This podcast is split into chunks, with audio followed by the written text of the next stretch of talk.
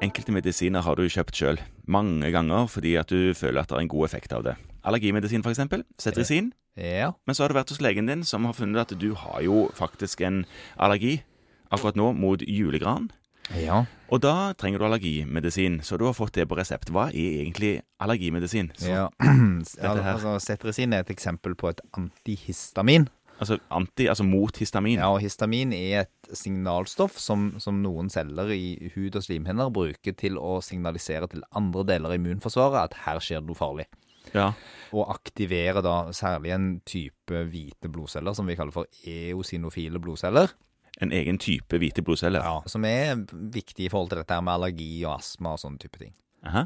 Og de aktiveres ved hjelp av histamin, og hvis man blokkerer det festepunktet for histamin Ja. med disse medisinene, så får man ikke en så sterk allergisk reaksjon.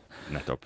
Det er veldig fint. Ulempen med dette er at det virker ikke bare der ute i hud og slimhinner, men det virker også litt oppi hjernen.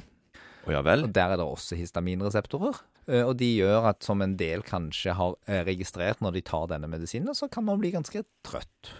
Så det er derfor man blir sliten av det. Ja, det kan man bli veldig sliten av. Og det, I gode, gode gamle dager så hadde man noen litt andre antihistaminer, og de var litt mindre det vi kaller for selektive. De visste ikke helt hvilken type histaminreseptor de skulle feste seg på. og Da blir man veldig trøtt. De bruker vi i dag som sovemedisiner. Ja, og da blir man både kvitt eh, snuen og nysingen, men man sovner.